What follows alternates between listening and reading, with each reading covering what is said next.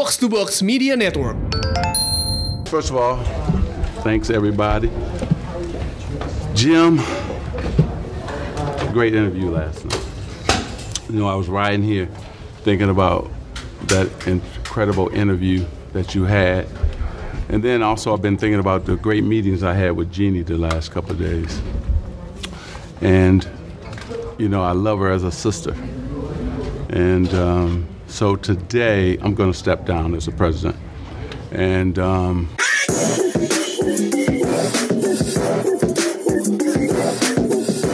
What up, what up? You're now listening to the most valuable basketball podcast in Indonesia.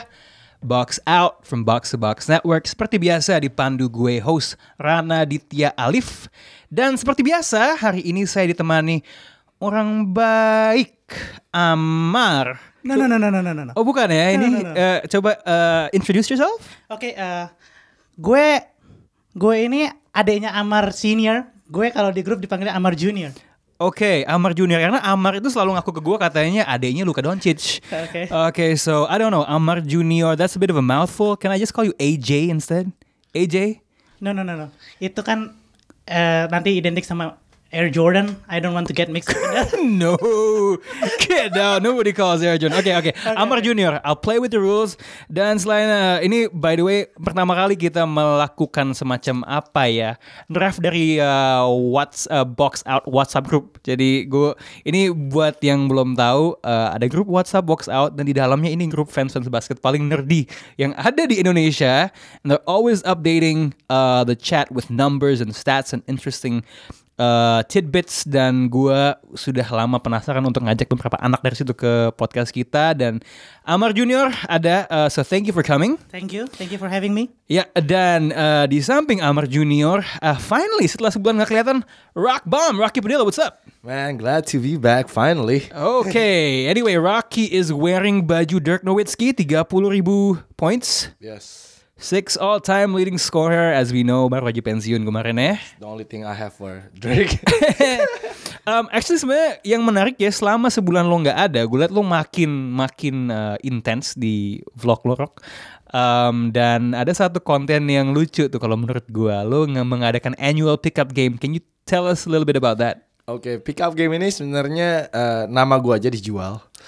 bukan bukan gue yang organize secara jujur karena ada eh, ada pembalap kita yaitu Sean Gelael. Hai. Eh, dia itu suka banget main basket. Jadi eh, dia punya teman dekat namanya Jeremy. Dia yang er- dia yang organize tapi menjual nama gua. Jadi oh ada yang mau main nggak eh, pick up game nih Rocky yang bikin nih nanti di videoin gini gini gini.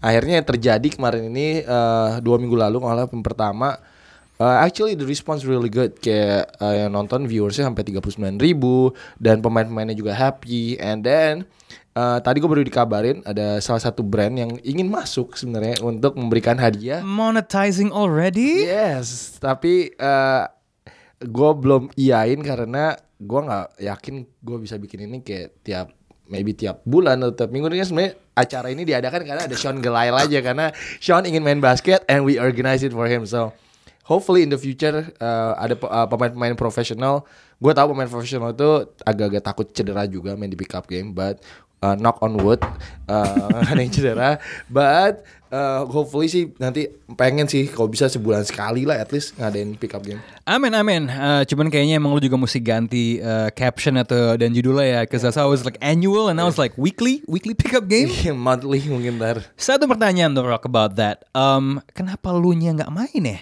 karena gue megang kamera easy answer tapi ntar yang di Come on. di yang besok tayang ini atau mungkin ntar udah tayang pasti ini udah tayang uh, pasti ini udah naik gue main ada sekali gue masukin Oke. Oke, so let's just get into the topics. Eh, banyak banget pembahasan untuk minggu ini. Ini kayak kalau pemilu nih, bentar lagi mau ada minggu tenang kan, sebelum eh apa hari tenang nih, masa tenang sebelum pemilu dan ini mau ada masa tenang sebelum playoff. Tapi namanya juga NBA selalu ada drama dan di akhir 82 game ada beberapa berita besar. em, tapi emang ya, Lakers ini emang cari perhatian ya. Di saat Dirk Nowitzki pensiun, Dwayne Wade juga one last dance, eh tiba-tiba out of nowhere untuk menutup semua, untuk memuncaki semua drama dan huru-hara di Los Angeles, Magic Johnson langsung ke media bilang saya mengundurkan diri. Um, ini langkah uh, PR yang tidak lazim ya, uh, langsung aja in your face. Um, dan uh, gue rasa sih dua tahun ini my personal opinion adalah emang dia nggak bagus sih jadi president of basketball operations. I think it's clear um, as daylight. Uh, Rock, what did you make of it, man? Yang pasti gue kaget lah ya. Kita kan nggak nyangka lah ya. oh, Tiba-tiba Magic bisa step down gitu. Tapi gue merasa dia agak bohong sih. Gue yakin pasti udah consult ke Jenny Buss or even LeBron James. Gue rasa nggak mungkin nggak. Really? Kalau gue jujur merasa pasti ada campur tangannya. eh, ke at least at least LeBron lah. LeBron at least udah tahu lah kalau dia akan mundur gitu. Kalau gue. Oke. Karena aneh aja kalau tiba-tiba mundur. Pasti gue rasa tuh dia kemarin kayak ada. Kalau nggak salah tuh katanya hari Sabtu itu eh, ada meeting antara Magic, Rich Paul, LeBron, and Jenny Buss katanya. Jadi di situ kayak ngomongin tentang statusnya Luke Walton, apakah mereka wanna go forward with Luke Walton or not. Dan mungkin di situ, mungkin di situ ada Rob Pelinka juga gue lupa. Eh, mungkin di situ ada ketidaksetujuan antara pihak Magic dengan mungkin LeBron dan juga Jenny Buss. That's why dia akhirnya mundur. Tapi gue yakin LeBron and Jenny Buss pasti tahu sebelum uh, mereka uh, Magic melakukan impromptu. Karena aneh aja masa lu nggak mau ngomong sama bos lu dulu sih kalau mau mundur gitu kan. Dan ini bos yang kalau based on his own words is like a sister, ya. Yes, that's why. Makanya gue gue yakin ini pasti udah eh, kata gue gue sih dengerin kata-kata Stephen A. Smith ya gue percaya sama Stephen A. Smith. 10 juta per tahun, bro. Yes. Agak dia bilang pokoknya ada meeting ya hari Sabtu itu antara ya beberapa orang itu deh. Jadi gue yakin di situ pasti ada ketidaksetujuan dan akhirnya ya Magic mundur. Do you buy that? Amar Junior? Eh, kalau menurut gue ini no look pass-nya terbaik Magic Johnson. Hear me out. He's passing the ball, he's passing his job, and no looking back. Dia tinggal. Oke. That's a good way to put Boleh. it. Boleh, boleh, boleh, boleh. Eh, gue tadi pagi sempat baca-baca tweetnya Watch. Ya, he's one of the most reliable news source in NBA. Of course. Kalau di Indonesia Rocky. Amin. Salute, rock bomb. Thanks man. Oke. Dia bilang Magic Johnson never really fully committed to the job dari Yes. awal. Suka jalan-jalan suka ya. jalan-jalan terus udah gitu ya limited working hours ya. kalau lu mau jadi GM nggak bisa kayak gitulah Hmm. terus udah gitu eh, mungkin ini ini my take ya Hmm. mungkin gagalnya AD itu Mhm. ada andilnya dari Magic Johnson karena dia nggak nggak pernah fully committed AD bisa bust gagal ya dia gagal dia lihat aja sekarang terus dia cabut tinggalin tiba-tiba. kalau kalau mau lo klarifikasi sedikit ya, Andy Le tuh menurut lo dalam hal how he managed it atau a lack of commitment to really push it through atau atau gimana? sorry gimana? Maksud gua ketika lo bilang ini ada andil terhadap situasi Anthony Davis yang ternyata nggak jadi. Oke. Nah kalau menurut lo tuh andilnya itu dalam ketidakmampuan dia mema- memanajemen situasi itu atau emang misalnya nggak benar-benar dideketin atau dari trade package yang ditawarkan atau atau gimana? nggak ada komitmennya ya kayak yang tadi gue Persis kayak kata Watch, oke. Kayak persis kayak kata Watch gak ada komitmennya, gak ada usahanya. eh, akhirnya Eddie gagal, terus udah gitu kita lihat locker roomnya berantakan. That's what's happened, man. Kalau gue sih masih Gimana? kalau gue masih banditnya Rich Paul sih kalau di situ. Rich gua. Paul. Karena menurut gue dia agent nggak perlu sampai go public bilang oke ini minta di trade nih. Menurut lo itu sesuatu yang melawan skenario nya Magic waktu itu? Iya menurut gue dia comel aja sih menurut gue kalau dia nggak comel waktu itu mungkin bisa I think it, it could went through karena itu di situ di mana si Del Dempsey kayak kesel aja gitu nanti lu harus go public gitu kalau dia nggak go public menurut gue bisa push through sih waktu itu trade-nya Eh, tapi kalau kalau menurut lo nih ya, em, does that say kalau misalnya dia ngerasa posisi dia dan kewenangan dia sebagai uh, president of basketball operations itu, do you think he felt undermined by orang-orang kayak Rich Paul? Uh, do you think there was like a, a power play of some sort gitu? Eh, enggak, kalau menurut gue eh, Magic itu ngerti cara main basket, tapi mungkin belum ngerti caranya manage tim. Karena dia jago main basket, kita tahu lah. He's a pro man. Tapi gue juga nih ngutip lagi tweet lagi dari eh, ESPN apa something gue lupa. Ketika diumumin bahwa Magic Johnson step down like, eh, locker roomnya Lakers kayak tepuk tangan semua, way happy. Kayak itu semacam menunjukkan bahwa Magic was never really capable. Hmm, jadi lu ngerasa memang locker roomnya sendiri tidak tidak um, respect terhadap dia dan meragukan kemampuannya. Ya ada ada sesuatu lah di sana yang gue nggak ngerti-ngerti banget tapi buktinya it happens man. Gue masih butuh bukti dulu sih untuk itu sih. ini ini kita semua berdasarkan sumber-sumber ya. Adu Yes. adu sumber. Adu tapi sumber. tapi kalaupun mau dibilang he he he, he, he was undermine ini ini salah Rich Paul dan lain sebagainya. Gue juga tidak melihat keistimewa keistimewaan Magic dalam mengkonstruksi roster ya. Salah satu statement Kemal yang menarik kemarin adalah, oh ini sebenarnya Lakers kalau dibiarin mengikuti proses, mungkin pemain-mainnya ada bagus, Uh, mungkin bisa improve. Tapi waktu kemarin katanya perbandingannya sama OKC yang James Harden dan KD, I think that's a little bit much gitu. Cuman gue juga tidak melihat uh, kemampuan dia team building. Um, and this also the blame also goes to Rob Pelinka tuh kalau buat gue. And also menarik free agent. Sebenarnya kan uh, musim lalu kita uh, banyak rumor tentang Kawhi, banyak rumor tentang Paul George. Uh, Paul George didn't even give Los Angeles a meeting. Bahkan setelah Magic Johnson seingat gue flirting, tampering di Jimmy Kimmel ya kalau nggak salah. Jadi memang uh, to your point ya, it's not just permasalahan dia jago di lapangan, uh, nggak jago jadi GM, tapi juga nggak karismatik juga sebagai GM. Dan lo ngerasa nggak sih Rock uh, di statementnya dia, dia baperan banget gitu loh ketika dia cerita gitu. It's not fun anymore. I'm not magic anymore.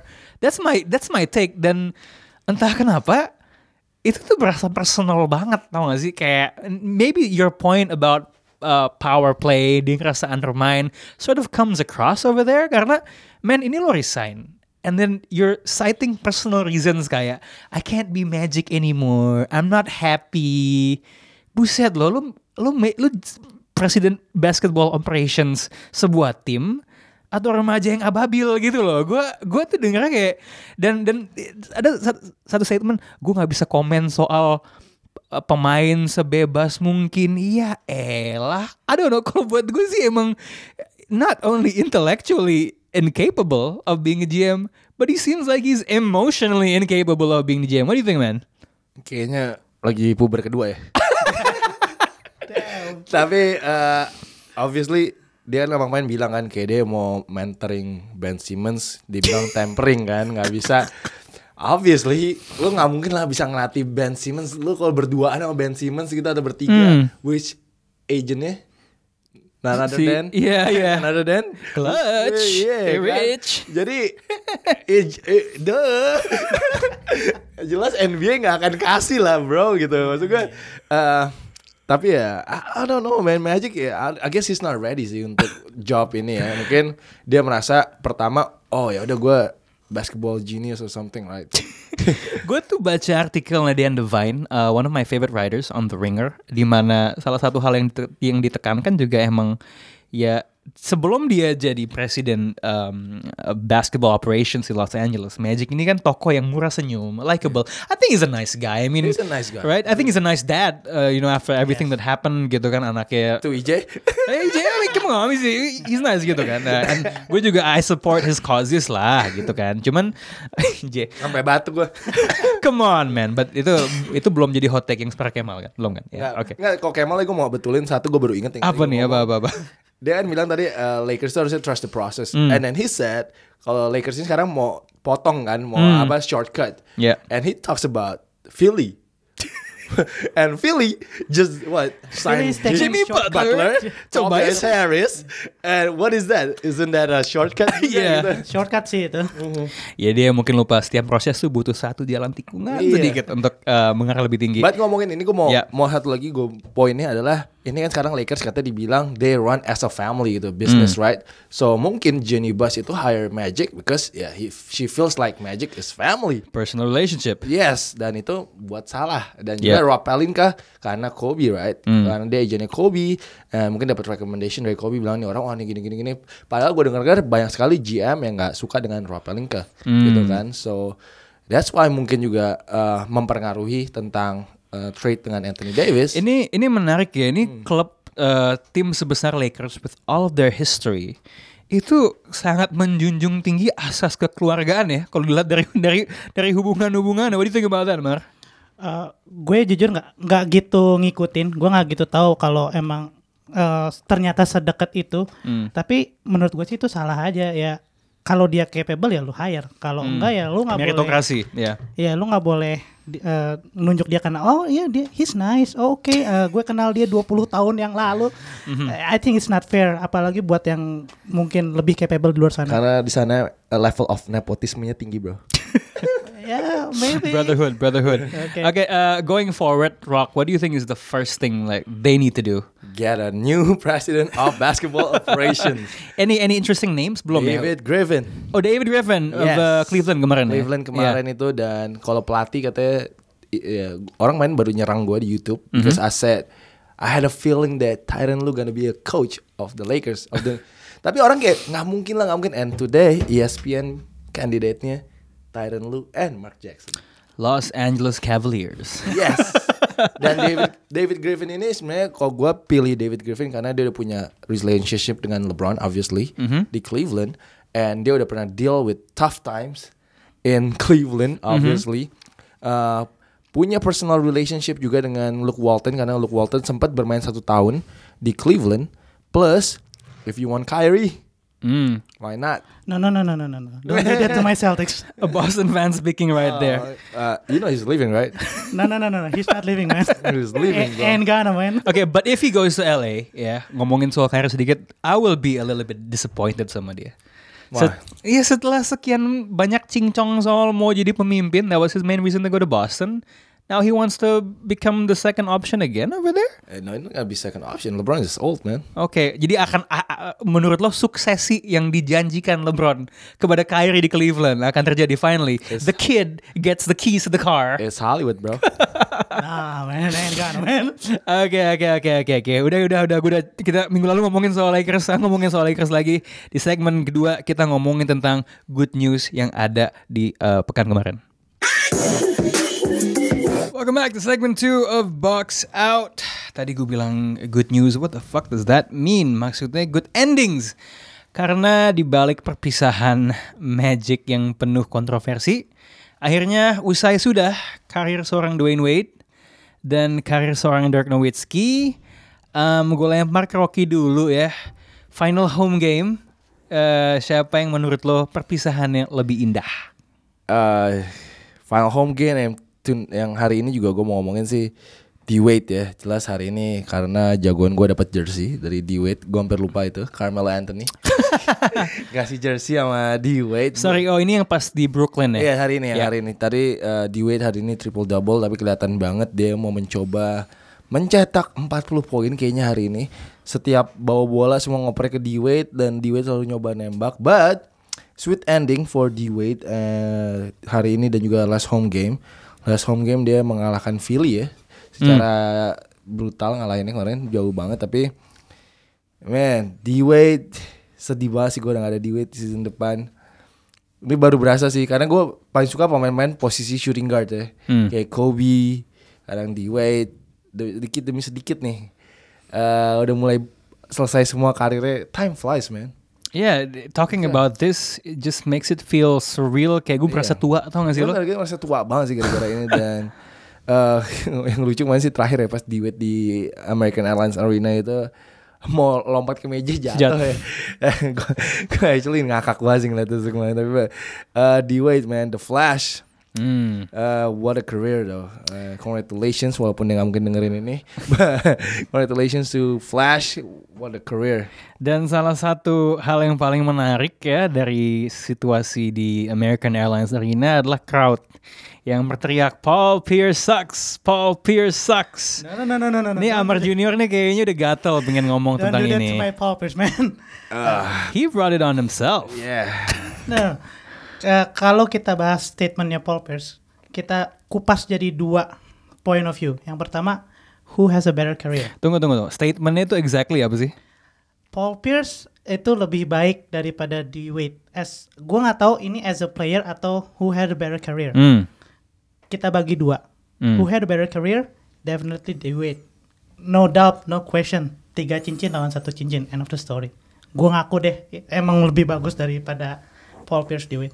Tapi kalau misalnya who is the better player, try aduin Paul Pierce sama D Wade on a one-on-one game, 21 points. Siapa yang megang bola duluan, Paul Pierce menang. Gue pegang, gue pegang D Wade sih. Oke, ini ada ada sedi- sedikit pertentangan kalau Rock eh, kenapa lo pegang Wade? Karena uh, Paul Pierce, I don't think he can move his feet, man. He's not that. Dia nggak terlalu atletis ya. Iya, tapi kita ngomongin di Wade sama Paul Pierce umur berapa dulu sebenarnya kan? Hmm, that's, yeah. that's, that's gonna be like kita harus tahu umur berapa dulu mau one on one nya. Let's just say prime di Wade lawan prime Paul Pierce. I don't think Paul Pierce can guard D Wade sih kayak Hmm. uh, first stepnya D Wade kayak lebih cepat sih. Tapi emang kalau main fadeaway jumper or main di elbow itu mungkin Paul Pierce unggul lah. Gue akuin lah Paul Pierce dan Paul Pierce menurut gue boleh gue bilang juga lebih clutch daripada Sure thing. Daripada D Wade ya. Tapi gue bilang kalau one on one secara atletis kayak aduh Paul Pierce susah sih untuk keep up untuk jaga D Wade sih. Early Paul Pierce itu atletis loh. He can dunk, man. But still chubby. Iya. Enggak sih kalau kalau gua, gua juga agak siding ke D Eh, menurut gue juga faktor pembedanya gue lebih percaya defense-nya D Wade daripada defense-nya eh, Paul Pierce Boleh ya. bilang D Wade tuh underrated loh. Mungkin tahun even musim lalu pun blocksnya rata-rata blocksnya D Wade, gue nggak ada catatannya tapi menurut gue gue sering banget nonton D Wade tuh at least bloknya dua atau tiga loh per game. Yep, and for a guy his size, Size, kan, iya. kan dia salah satu. Gue lupa ada statistik yang menunjukkan ini, tapi dia adalah pemain untuk kategori combo guard dengan dengan tinggi segitu dia bloknya termasuk yang paling banyak. Kalau tadi lo mention soal explosive, um, I mean that's also explosive on defense, obviously. Um, dan gue justru yang mum- mumpung kita lagi di topik soal Paul Pierce uh, sama D Wade ya. Kalau menurut lo nih Mar, um, 2007-2008 Celtics lawan 2005-2006 Heat. Menurut lu tim yang lebih bagus yang mana? Obviously the Celtics. Salah tanya bro. Pasti gue objek. enggak, subjektif. enggak justru karena tadi uh, offline tuh gue inget menurut lo kalau misalnya Paul Pierce dikasih amunisi tim yang sama dengan um, D Wade, maka lo bilang lebih hebat Paul Pierce. Tapi menurut gue kalau emang lo bilang 2007-2008 Celtics itu lebih hebat daripada 2005-2006 Heat, that means Dwayne Wade in the finals did more with less dibandingin uh, Paul Pierce, gitu loh. Gue ngebandinginnya sama Paul Pierce, eh sorry, sama Dwayne Wade pas dia udah dapat Brown and uh, Chris Bosh, man. Itu udah levelnya udah beda sama KG yang sudah mulai menua, Ray Allen yang sudah mulai menua juga. Hmm. Kalau misalnya Paul Pierce dapat kesempatan buat prime Paul Pierce bisa dapat kesempatan main dengan kondisi yang benar-benar sama dengan Dwayne Wade, gue yakin minimal sama deh cincinnya tiga. Oke, gue gak yakin soalnya Paul Pierce dalam peaknya itu bisa kayak Dwayne Wade di apa final 2005-2006 ya, di mana Shaq pun, oke Shaq biasanya bias kan dia karena waktu itu lagi bad blood sama Kobe, dia bilang his best sidekick waktu itu adalah uh, Dwayne Wade yang menurut gue took over uh, in that finals in a very young age ya, itu baru musim ke, Dua, ti- ke ketiga. tiga, Tiga, keempat gitu kan. kayaknya. Tapi oke, menurut gua fair debate. Um, kalau menurut lo uh, Dwayne Wade le- sama Paul Pierce lebih hebat Paul Pierce, please sound uh, at Twitternya box uh, to box and tell us why, kenapa? Um, Paul Pierce petty aja nggak dapat one last dance deh. nggak nggak nggak ada apa farewell tournya ya deh um, berapa poin di game terakhirnya? zero Zero. zero Oke oke oke oke oke. Tapi oke gini gini gini. Oke, maybe that subject is for debate. Tapi gue sebenarnya pengen ngomongin lebih soal Dwayne Wade since dia yang pensiun. Oke. Ini kenapa kenapa sih ada tabiat orang-orang tuh mengambil shine uh, momennya o- Betul. orang lain gitu. Magic did it, now Paul Pierce did it. Jamal Crawford deh Jamal Crawford did it. Tapi kalau lo nih terlepas dari perbandingan Paul Pierce melawan Dwayne Wade, what stands out the most dari karir seorang Dwayne Wade buat lo? Kalau uh, definitely his athleticism man. Hmm. Uh, dia gesit, dia cepet ya kayak tadi Rakbam udah bilang juga he can defend well. Uh, his posters highlights was really really great. Gue suka itu. Uh, off the court juga gue nonton iklan Budweiser damn man that had me in tears man. Feels. Damn feels kayak ada ibunya terus udah gitu yang dia ada kakaknya jokin ah, gue lupa lupa terus kayak semua orang tuh ternyata melihat Dwayne Wade di luar lapangan uh, as a great person Hmm. Gak cuma di lapangan as a great player di luar lapangan juga dia dilihat sebagai orang yang baik Ya, he seems like an all around good guy. Maksudnya kalau ngomongin Dwayne Wade tuh amar, senior selalu bilang gue belum pernah menemukan orang yang benci Dwayne Wade sampai dia ketemu Tufel waktu itu. Um, cuman ya uh, kita juga bisa melihat di musim terakhir hampir semua pemain ini agak mengingatkan gue sedikit dengan musim terakhir Kobe or maybe anybody ya di mana you wanna get his jersey right? Dan kembali ke topik lo soal iklan Budweiser buat yang belum tahu, itu iklannya menunjukkan kalau uh, jadi agak di set up kalau si Dwayne Wade ini ketemu seseorang dia nggak tahu siapa, mungkin ekspektasi dia adalah pemain, tahu-taunya yang datang adalah orang-orang yang pernah bersinggungan dengan dia dalam hidupnya dan mereka menukar salah satu uh, baju mereka atau artefak yang berhubungan dengan mereka dengan bajunya Dwayne Wade. Jadi agak mereplikasi what he does dengan pemain NBA cuman dengan uh, people yang lives uh, his uh, their lives have been impacted by Dwayne Wade uh, melalui charity-nya, melalui sosoknya sebagai figur yang inspiratif, uh, ibunya yang kalau nggak salah pernah masuk ke penjara terus Yes. ditolong dan itu kelihatan dia baik banget. Satu hal lagi menurut uh, gua yang stand out kalau ngomongin uh, Dwayne Wade soal baik ya kemarin tuh gue lihat dia kan punya dua anak ya. Uh, si yang lebih tua uh, Z- uh, Zaire, Zaire. Zaire, uh, dan yang kedua tuh yang yang kayaknya mau main basket juga uh, at the moment sih kayaknya lebih sering memanfaatkan hubungan persahabatan ya gue lihat ya foto sama All Star dan lain sebagainya orang dalam gitu Uh, tapi anak keduanya um, yang masih kecil banget namanya Zion um, Williamson. Nggak, ini the complete opposite. Uh, so Zion Wade itu uh, ini bukan tempat gua untuk mendisclose, but dia itu ikut Pride Festival di Miami, and he's still a kid. Oh, oke. Gi- Gua menurut gue itu menunjukkan betapa open mindednya Dwayne Wade gitu loh uh, untuk uh, ya udah let his kid be himself um, nggak dipaksa lu jadi pemain basket kayak si Zaire gitu and gue sih ngeliatnya sih senang aja sih just it adds more to uh, him being uh, a good guy Um, dan juga ini juga kayak gue pernah mention kalau ngomongin soal his career trajectory nggak banyak bintang yang tadinya dia alpha male-nya kemudian nggak apa-apa deh gue take a backseat role. Um, dan itu juga biasanya rock uh, it happens to older players right? Misalnya David Robinson ya kan? Dulu di Spurs oke ada masanya dia alpha dognya kemudian tim Duncan masuk dia memang sudah tua dan kemudian oke gue jadi uh, second optionnya. But Dwayne Wade uh, ketika LeBron datang he understood immediately kalau walaupun selama ini gue yang carry di franchise sekarang ya emang ini tempatnya King James I'll take a secondary role walaupun di usia di mana dia masih relatif bisa dibilang di prime-nya ya So buat gua itu juga sesuatu yang menarik kalau ngomongin Dwayne Wade. I think we've talked enough about Dwayne Wade. Let's talk about the guy on your shirt. Dirk Nowitzki. Uh, Rock, what stands out the most? gue kemarin cuma ngakak doang pas dengar cerita Charles Barkley ya. Dia bilang dia katanya tahun dulu c- ketemu Dirk waktu umur 18 tahun dan dia nyuruh masuk ke alma maternya. Auburn. Auburn itu klasik Charles Barkley banget gak sih? Kayak gitu. In the locker room kan Locker cerita room, ya. iya. Jadi eh, Dirk Nowitzki mungkin salah satu pioneer big man yang apa ya memulai tren di mana big man bisa menembak three point. Hmm, Stretch the floor. Yes, I think dia pioneernya itu um, dan juga membuka jalan banyak sekali untuk big man big man Eropa akhirnya bisa bermain di NBA juga. Jadi benar-benar um, Hall of Famer, Mhm. guaranteed pasti.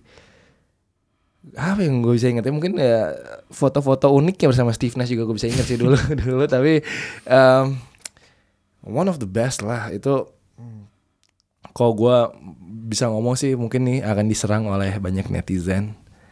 Menurut gue dia top 10 player of all time sih in the NBA. Uh, could be ada masanya uh, di mana kan memang kayaknya Mavericks itu memang dia gitu ya. Uh, gue inget uh, I think it was around the Olympics 2008 di Cina gitu. Kalau lo dengerin wawancara uh, pemain-pemain NBA LeBron James sama Kobe pertama kali steam kan di uh, Redeem Team.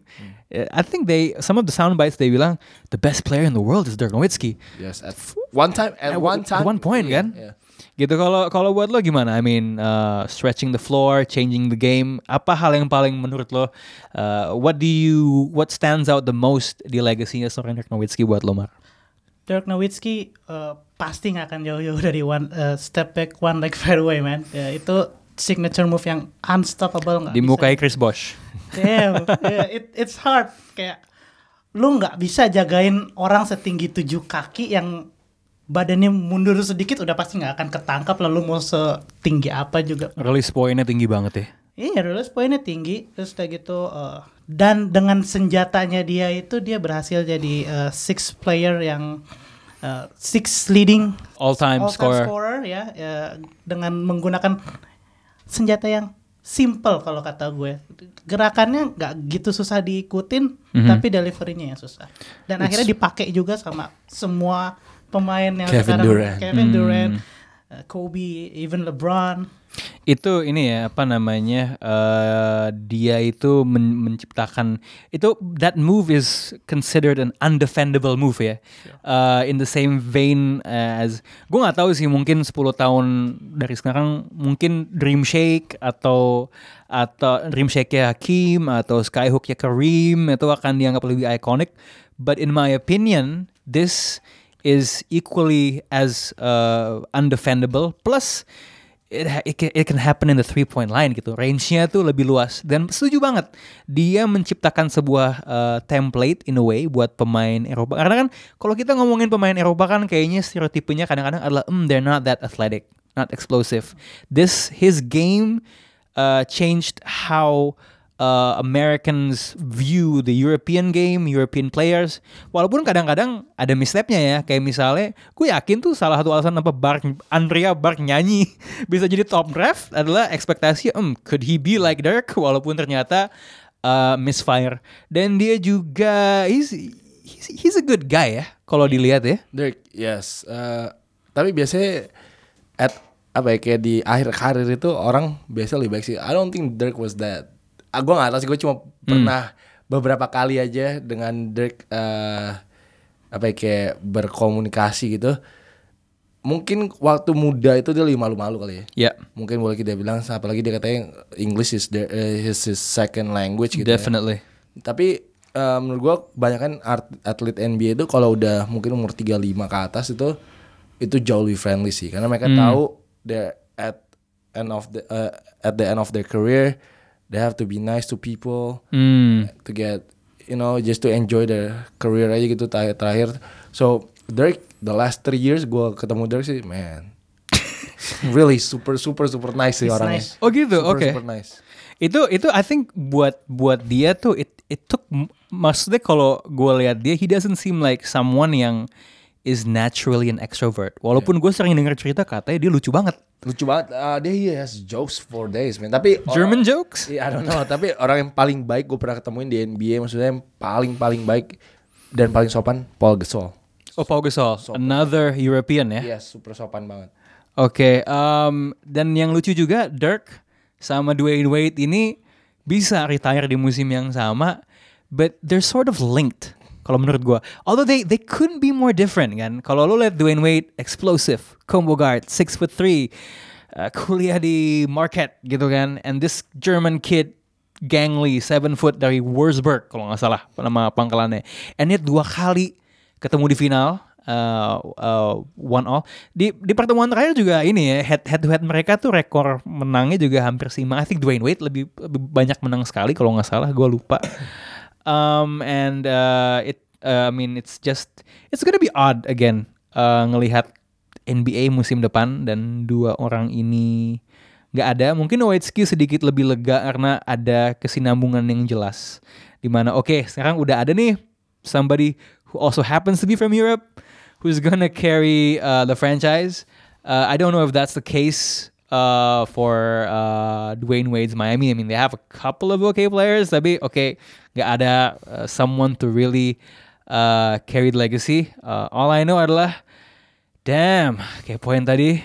Ta- ah, kenapa? Tapi, tapi retirementnya Dirk buat gue comes as a surprise ya. Lumayan mengejutkan karena dia sampai mid season pun kalau nggak salah dia ngomong Masih ada asa. masih ada gitu. Yeah. Kayak dia bilang oke I'll think about it during the off season gitu. Kayak if my body kalau body gue masih kuat I'll play against I'll play again next season gitu. Tiba-tiba kemarin announce like this is my last home game. So I was like gue lumayan kaget juga karena gue expect uh, dia akan bikin decision itu mungkin off season gitu. Karena terakhir gue interview dia itu di All Star he still said dia masih bilang kayak "Yeah, I'll think about it gitu during the off season So gue nggak expect kemarin kalau itu akan jadi last home game dia sih. Ya I don't know apa penyebabnya apakah momentum atau tapi emang gue nggak tahu sih eh, walaupun lo bilang belakangan dia media friendly he still strikes me as someone yang sebenarnya agak introvert someone who doesn't really uh, shows his cards gitu um, dan nggak tahu sih juga ada elemen rahasia umumnya kali ya di mana you think um kayaknya Itu kayak dia kayak gitu tahun 2000 sekitar 2006 sampai 2012. Awal-awal ya. Kayak pertengahan karirnya tuh dia agak-agak pendiam banget sih. Hmm. Yeah, all I know it's going to be weird next season without the two of them. Um. Anyway, the regular season is over. Playoff, eh, the playoffs are approaching. Akan kita coba terawang sedikit, cepat aja di segmen 3. Selamat datang kembali ke Box Out segmen 3. Kita sedikit menerawang playoffs yang sudah di depan mata. Akhirnya regular musim sudah usai dan udah terfinalisasi matchup-matchupnya West sampai ke hari terakhir. Um, so let's just go ya dari satu lawan 8 uh, West dulu kali ya. Golden State Warriors against the 8 seed LA Clippers. Rocky, is your Clippers gonna win one game? Of course. Well, sejarahnya Ya. itu Clippers terakhir ketemu defending champion, they won the series. Itu lawan San Oh, Antonio Spurs, ya. 2014 2015. So, why not again? Okay. Although it's a different Clippers team Yeah, and a different enemy. Yeah, no no Chris Paul, no Blake. Least dua game lah. Jangan di sweep lah. Jangan di sweep lah. Gua cuma pengen ngelihat Patrick Beverly Lawan get Steph. in the face of Steph Oh, sih sebenarnya. Gimana menurut lo? Any surprises on this one atau straightforward aja, Mar? Straightforward lah ini udah pasti menang. Oke, oke. Oke, ini tidak terdengar sebagai sebuah matchup that you should bet on. Let's go to four against five. Rockets against the Jazz. Rocky. I'm still mad karena Rockets selesai di seed nomor 4. Mhm. Which mean they're gonna meet the Warriors in the semifinal. Aduh, prematur ya. Yeah. Oke, so you're still taking the Rockets kayak musim lalu ya? Of course. Um, Rockets, Jazz.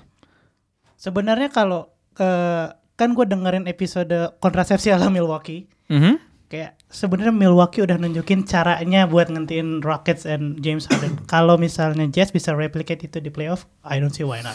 Oke, itu yang gue belum tahu adalah apakah mereka punya the right person uh, uh, to, to do that. Um, it's gonna be interesting. Mitchell. Donovan Mitchell playing like really really tight defense. Itu ya di funnel ke Rudy Gobert. Iya. Nanti Um, diarahin ke Rudy Gobert nanti ya Oke. kayak yang Cuman kalau kalau kita lihat musim lalu justru Rudy Gobert yang ditarget sama Rockets ya, yang justru benar-benar diekspos ketika no kedua tim James Harden, man. bertemu. Ya, it's either stop atau fall. Um, Oke, third against the six. Kasian gue nih sama Portland ketemu OKC. OKC oke juga ini ya. Ketemu Portland yang kehilangan uh, Jusuf Nurkic. Any surprises here? Uh, tunggu, justru OKC yang peringkat 6 ya. Iya. Jadi, you think six is gonna beat third seed? Setelah tahun lalu di sweep sama New Orleans Pelicans, I think it's time for Dame time, man. I'm pulling for Dame. Uh, gimana menurut lo, Mar? Eh, kehilangan Joseph Nurkic berat pastinya ya. Eh, OKC going full force ya. Gua gue pegang OKC. It's an upset. Oke. Menurut gue sih secara seat hitungannya upset tapi kalau lihat pemain di lapangan sih bukan upset. Iya. Gamal di Instagram story-nya dia udah udah insecure banget man. Dia bilang tahun lalu New Orleans ketika ketemu Pelicans, eh sorry New Orleans Pelicans ketika ketemu Blazers itu regular season di sweep dan kemudian di sweep di playoff. Nah kalau kita lihat head to head kedua tim di regular season 4-0 juga ya. 4-0 juga bahkan dengan Nurkic dan dengan McCollum yang lagi sehat. So, It's, it's okay, G-Spot. G-Spot, I feel you bro. Trailblazers, gonna win. Um, okay, this is the one gam. Eh, gam lagi. Rock. Um, Denver Nuggets, It's second an seed. Seven seed, Pop. You going with Pop? Yes, uh, my hot takes. Spurs to the Western Conference Finals. Oke, tapi di musim reguler mereka main away tuh nggak bagus. You think they're gonna make the right adjustments? Playoff man, it's different. It's different. Pops, uh, LMA, Mhm. Marcus, and the DeRozan. I think, I think Denver's not ready for. I don't know. Ini hot takes gue aja sih. Hmm. Uh, I know Denver's number two, right? Number two, second. Yeah. Yeah, tapi I don't know, man. Mike Malone and Pops. Nothing Yeah. pops. Menarik sih gue apakah tactical adjustment. Kalau misalnya Pop bikin adjustment, what is the counter move yang akan dilakukan sama Malone? Karena musim ini menurut gue cara dia nge-improve Denver tuh oke banget semua pemainnya naik. Tapi again, playoff situation, Iya. lo kenal tim lawan kayak pacaran yang posesif. Lo tahu setiap jel kejelekannya, tetek bengeknya, anything can happen. Menurut lo apa yang menarik dari matchup ini, Mar? Eh, buat gue sih, gue setuju sama Rocky. eh, bakal jadi potensi upset. Walaupun sebenarnya gue pengen banget Denver maju karena, man, 2019 ganti juara. Eh, tunggu tunggu tunggu tunggu tunggu tunggu. Itu statementnya berlapis tuh. Apa hubungannya Denver maju dengan 2019 ganti juara? That implies kalau mereka ketemu Warriors di conference final they will win. You have to stand by that. Yes, gue yakin itu. Jadi lu Denver nih. Ya, Kak, sebenarnya gue pengen Denver, tapi kalau lawannya Spurs gini, Ladies and gentlemen, we have a Kemal Pahlevi level hot take, bro. nah, nah, nah, nah. Denver juara NBA baru, bro. oh, okay, okay. I'm not saying that Denver will be the champion. Yang penting Golden Oke. State kalah. Oh, oke. kalah. Ternyata sedikit lebih vanilla ya hot take-nya. I thought it was a little bit. Oke, Yang oke. juara nanti dari sebelah kanan dari tim. Iya, gue tahu tim mana yang lo maksud yang agak mengecewakan kan di regular season. Sure thing, man. okay, but let's get to the East. Um, Giannis, uh, MVP to be from the Milwaukee Bucks. For zip easy. For zip lawan timnya Pange. easy, sorry Pange. ada ada ada kontra opinion gak ada ya? Sorry, Oke, sorry, bagus. GM. Maaf Pange, maaf Panji Pragiwaksono. Pistons is going out. Okay, your Celtics against my Pacers. Ah, kalau ini ya jelas lah kan. Celtics in five. Five, come on, gi- give me two games lah. Celtics in five, man. Kan lu Anjing, Kak. sendiri yang bilang di grup kalau biasanya kalau uh, first rounder tuh selesai di lima ya udah Celtics in five, man. itu gue lagi berusaha ngejinx tim, tim lo aja. Tapi menurut gue terlepas dari um, is it four games, is it five games? Gue I don't see Indiana winning this one. Gue cuma berharap um, Indiana main dengan the same level of hustle and grit karena ketika uh, two seasons ago uh, di sweep sama Cleveland sebenarnya itu series yang menarik ya karena walaupun Cleveland menang 4 straight semua game itu close game gitu. So I hope that's di, di mana I don't see them winning tapi at least they give 120% like they usually do. Gue rasa Rocky setuju sih Celtics is winning this one. In six lah. Six, terima kasih Kasih Rock. Uh, Joel Embiid Sixers Mar lawan uh, ini pemain kesukaan lo nih D'Angelo Russell Nets. Angelo. Uh, kalau buat gue ini juga potensi upset. Uh, walaupun berat tapi gue lihat D'Angelo carrying his team for like uh, six to se- six to seven games. So Ooh. it's, oh, six to seven. It's gonna be close. All right. It's Oh, gonna be okay. close. Uh, and D'Angelo help the winner. Huh? Oh, so, so you are taking the Nets I'm taking the Nets, man. Against the Sixers. I'm taking the Nets. Wow. I think, Wow. I think the Nets will be lucky to get five games. Okay, itu gue lumayan. I mean, I, I- I like their team. Gue suka pelatihnya. I just feel the talent. Everything seems right, man. Okay. For for the Nets right now, everything seems right. I don't see why not. They making it to the playoff. Baik, baik I pak. think they could win game one karena game one kan si Joel Embiid questionable right. Hmm. I, think, I think they might Still, still a game ya. still a game. Tapi I still want the gue masih pengen yang top 4 East masuk ke semifinal semua sih. Oke, uh, last one uh, peringkat dua Raptors lawan Magic. Raptors man, no doubt. Oke, Ini juga no doubt dari gue. Uh, obvious Raptors win. Oke, so we have itu adalah pilihan-pilihan analis kita untuk bracket ronde pertama. Semuanya memilih kalau Warriors akan menang mudah melawan Clippers, Rockets menang lawan Jazz, OKC upset tapi nggak upset banget ini lawan Blazers, Tenang gue Blazers mau. sama Spurs menang lawan anak bawang kecuali Amar Junior yang merasa Nuggets nih bisa mengalahkan Golden State. Oke oke oke oke. Kemal level take. Eh, kemudian um, Bucks sweep lawan Pistons. Eh, Pacers eh, kalah dalam 6 game lawan Celtics. Lima ran. Lima, oke, whatever. Sama, um, ya, Amar Junior memilih Nets di atas Sixers. Hmm, oke, dan Raptors menang lawan Magic. No surprises. Oke, that's about all the time we have buat podcast Box Out kali ini. Thank you, Rock. Thank you man. And thank you Amar Junior, jangan kapok-kapok ke sini ya. Thanks man, glad to be here. Oke, Kalau the- Brooklyn menang sih gila sih. Asli. You owe me a treat, Rock. oh dia lo ajak ke pick up game lo. kuat, kuat jaga jaga kuat defense gak? I'm ready man. okay, uh, Raditya Alif, this is Box Out and we out.